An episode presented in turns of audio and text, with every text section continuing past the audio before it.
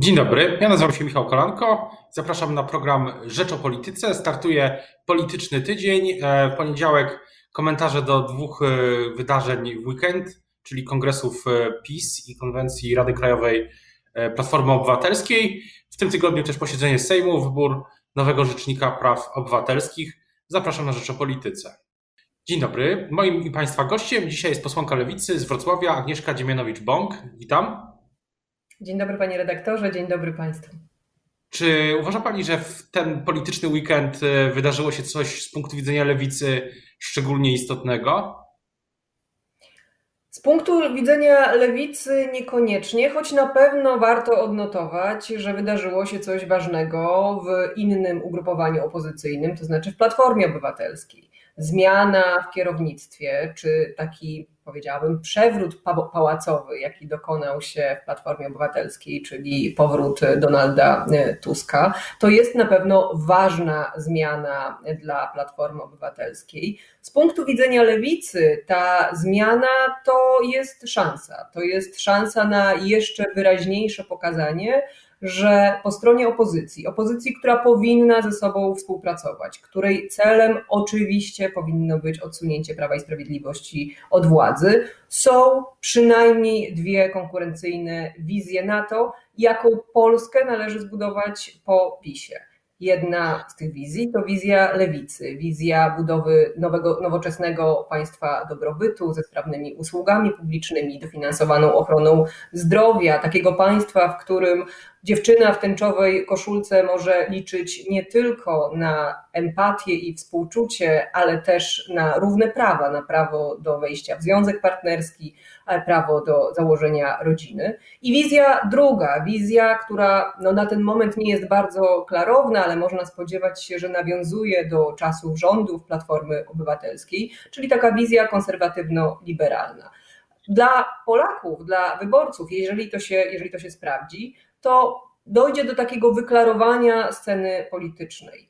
Będą mogli wybierać między tym, co było, czyli Platformą Obywatelską, między tym, co jest, czyli rządami Prawa i Sprawiedliwości, i między budową czegoś nowego, nowoczesnego państwa dobrobytu, tego, czego chce lewica. Czyli powrót Tuska to jednocześnie powrót do przeszłości. Pani zdaniem. No, tak to zrozumiałem. Myślę, że tak. Myślę, że ta decyzja, myślę, że ta decyzja, żeby postawić na Donalda Tuska, a nie na przykład na Rafała Trzaskowskiego, jest wyraźnym sygnałem, że Platforma Obywatelska widzi szansę na wyjście z pewnego kryzysu, w którym się znalazła, w powrocie do przeszłości. I to ma swoje oczywiście dobre i złe strony. Nie można Donaldowi Tuskowi odmówić tego, że jest bardzo sprawny retorycznie, w takim retorycznym punktowaniu prawa i sprawiedliwości. Różnie wychodzi faktyczne rozliczanie patologii Prawa i Sprawiedliwości, bo Donald Tusk, kiedy był premierem, no niespecjalnie poradził sobie z rozliczeniem pierwszego rządu Jarosława Kaczyńskiego. Zbigniewa Ziobry nie udało się podstawić przed Trybunałem Stanu. Roman Giertych, niegdyś minister w rządzie Jarosława Kaczyńskiego, dziś jest stronnikiem Platformy Obywatelskiej. Doszło do pewnego przejęcia e, ministrów, jak chociażby Radosława Sikorskiego. Natomiast niezależnie, niezależnie od tej oceny, trzeba oddać Donaldowi Tuskowi, że w wbijaniu szpil, podszczypywaniu Prawa i Sprawiedliwości jest znakomity i to jest dobra wiadomość dla całej opozycji, bo im więcej narzędzi, instrumentów, żołnierzy do tego, żeby punktować patologię Prawa i Sprawiedliwości, tym lepiej. No Donald Tusk pewnie widzi siebie nie tylko jako, nie jako żołnierza, ale jako generała w tej wojnie e, dobra ze złem. I mówi, Donald Tusk mówi, że nie ma miejsca na, na cieniowanie i jednocześnie mówi o lewicy, że tam następują pewne turbulencje, ale odnosi się z takim pewnym szacunkiem też do tej decyzji dotyczącej Krajowego Planu Odbudowy. Tak to, tak to brzmiało wczoraj trakcie tej konferencji. E, czy to jest e, mm, zapowiedź tego, że nie będzie współpracy, czy nie, nie jest możliwa e, współpraca z lewicą nawet na przykład w Sejmie? Jak, jak to Pani zdaniem będzie teraz wyglądało? Lewica jest otwarta i chce współpracować ze wszystkimi siłami opozycyjnymi. Ze wszystkimi siłami opozycyjnymi chcemy także rozmawiać, no ale nie będziemy udawać, że w części kwestii ta rozmowa to będzie spór. Spór o wizję Polski po rządach Prawa i Sprawiedliwości. Lewica to socjaldemokraci, to socjalistki. Donald Tusk jest konserwatywnym liberałem ciężko spodziewać się, żebyśmy zgodzili się chociażby z podejściem Donalda Tuska do kwestii wydatków publicznych. Donald Tusk wrócił, oczywiście nie powiedział za wiele o, o, programie Platformy Obywatelskiej jeszcze, no ale można z tych jego pierwszych wypowiedzi wyczytać pewne sygnały. Jego zdecydowana krytyka długu publicznego, czyli de facto wydatków publicznych, inwestycji z budżetu państwa, jest z czymś, z czym lewica zgodzić się nie może czas wychodzenia z kryzysu, czas wychodzenia z pandemii, to powinien być czas zwiększonych inwestycji publicznych, zwiększania wydatków publicznych, a nie zaciskania pasa.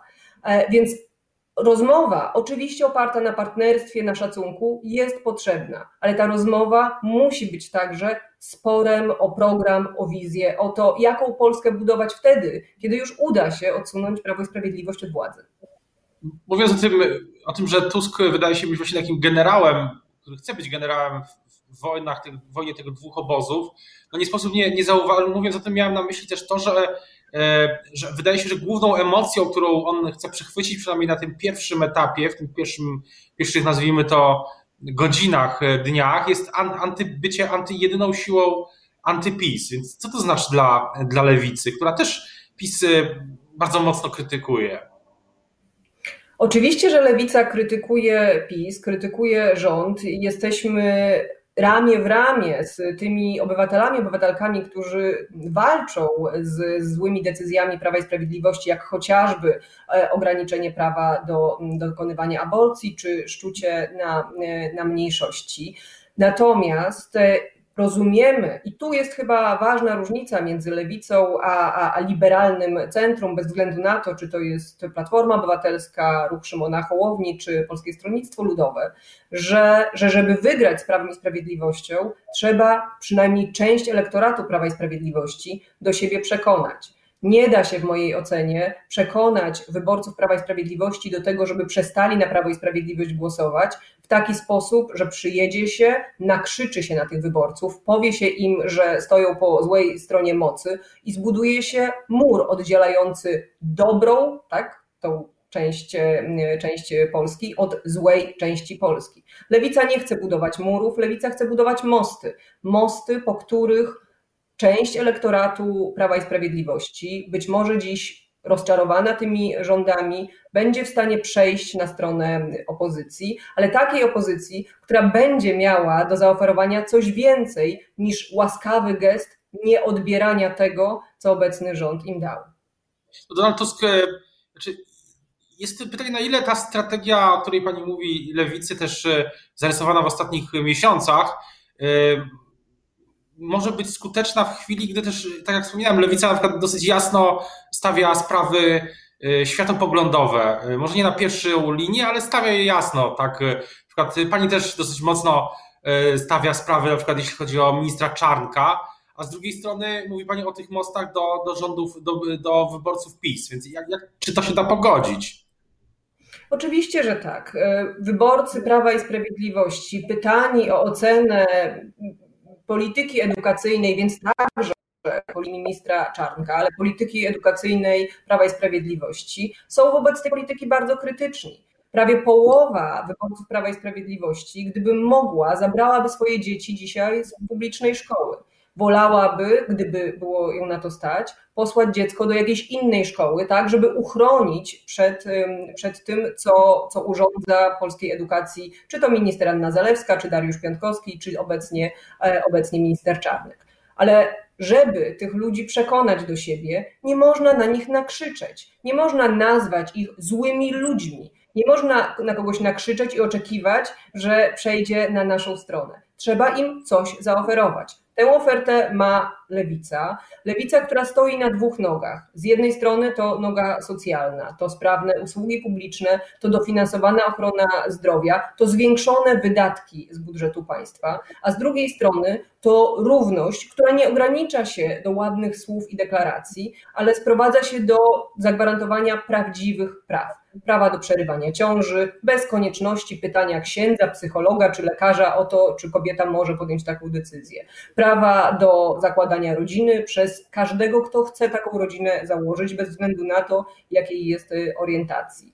Te dwie sprawy, te dwie nogi, noga wolności, równości, praw człowieka i noga bezpieczeństwa socjalnego, solidarności społecznej, to są fundamenty, to są filary, na których lewica chce budować nową Rzeczpospolitą po odsunięciu Prawa i Sprawiedliwości od władzy.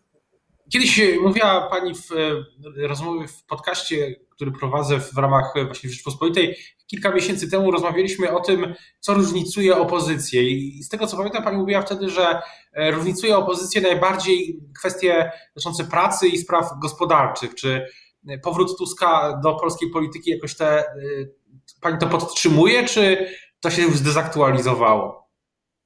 Ja myślę, że ten powrót Donalda Tuska jako przedstawiciela tej starej platformy, tej platformy, która rządziła przez Polską przez, Polską przez kilka e, lat, tylko wyostrzy te różnice. Różnice, które są różnicami programowymi. Tutaj nie chodzi o różnice w podejściu do obecnej, do obecnej władzy. I oczywiście kwestia pracy, kwestia tego, jak zabezpieczyć młodych na rynku pracy, to jest coś, co na pewno będzie przedmiotem debaty i sporu na linii lewica i liberałowie. Ja tak się składa, że pamiętam rządy Donalda Tuska, pamiętam je dlatego, że Między innymi dlatego, że jako młoda absolwentka studiów wchodziłam na rynek pracy właśnie wtedy, kiedy Donald Tusk był premierem. Pamiętam ten czas, pamiętam brak minimalnej płacy godzinowej, pamiętam wszechobecne śmieciówki, łamanie praw pracowniczych, bezrobocie wśród młodych i szybujące pod niebo ceny mieszkań. To był trudny czas, to był też czas po kryzysie, tylko kryzysie ekonomicznym. I polityka Platformy Obywatelskiej wówczas również polegać miała na zaciskaniu pasa. Nie życzę nikomu młodemu, nikomu, kto dziś wchodzi na rynek pracy, żeby musiał tego doświadczyć. Więc jeśli Donald Tusk wraca z takim pomysłem na platformę, że to ma być tamta platforma, platforma z czasów jego rządów, no to tutaj porozumienia programowego nie będzie. Ale od tego jest lewica, od tego jest to, że mamy rok 2021, a nie 2007, 2009 czy 2010, e, żeby zaoferować, żeby pokazać, że oferty dla Polaków są różne.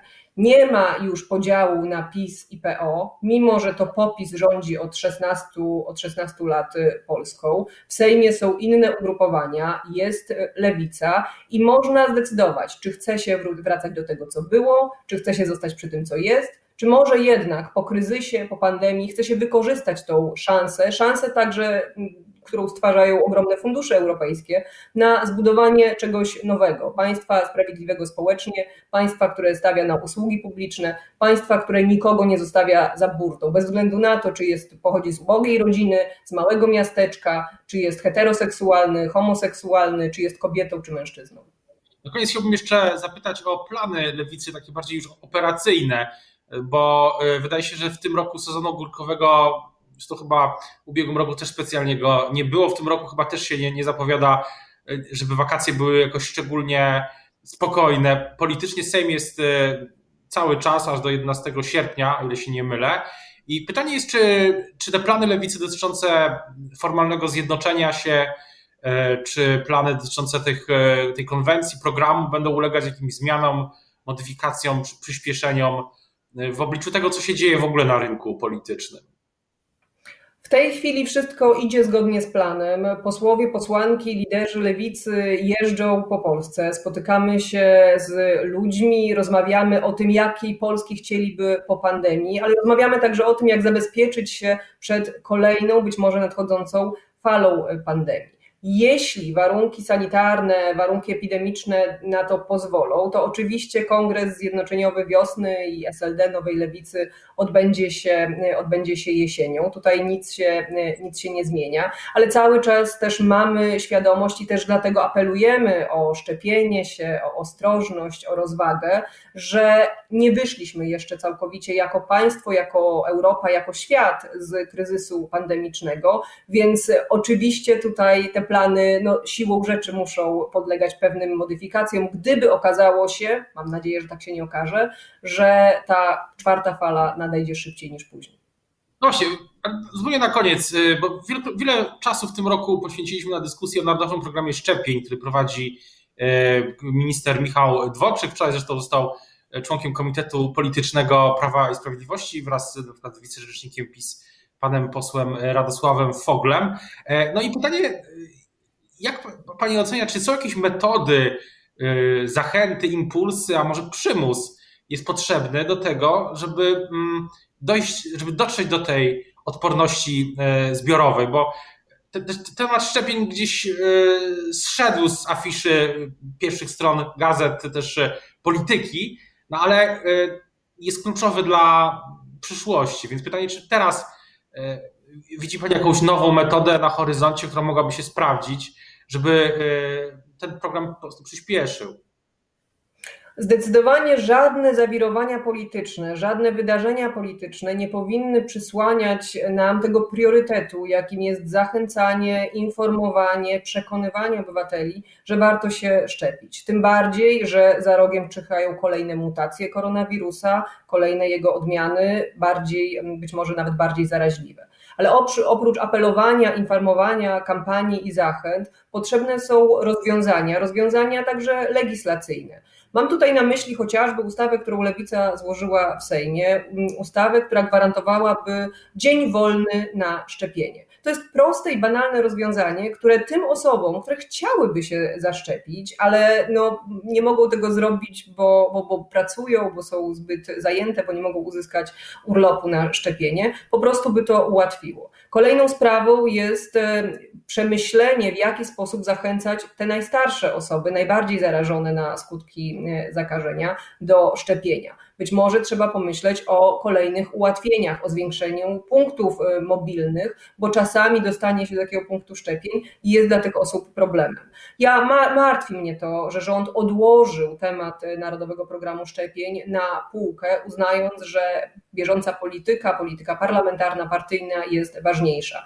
Nie ma ważniejszego priorytetu niż e, szczepienia, nie ma ważniejszego priorytetu niż zabezpieczenie maksymalnej części populacji przed kolejną falą koronawirusa. O tym, e, co dalej w Narodowym Programie Szczepień, ale też oczywiście o tym, co w Sejmie i poza nim będziemy się, będziemy o tym informować i komentować e, w Rzeczpospolitej e, na pewno. Teraz bardzo już dziękuję za rozmowę Państwa i moim gościem dzisiaj była posłanka Lewicy Agnieszka Ziemianowicz-Bąk. Dziękuję bardzo. Dziękuję.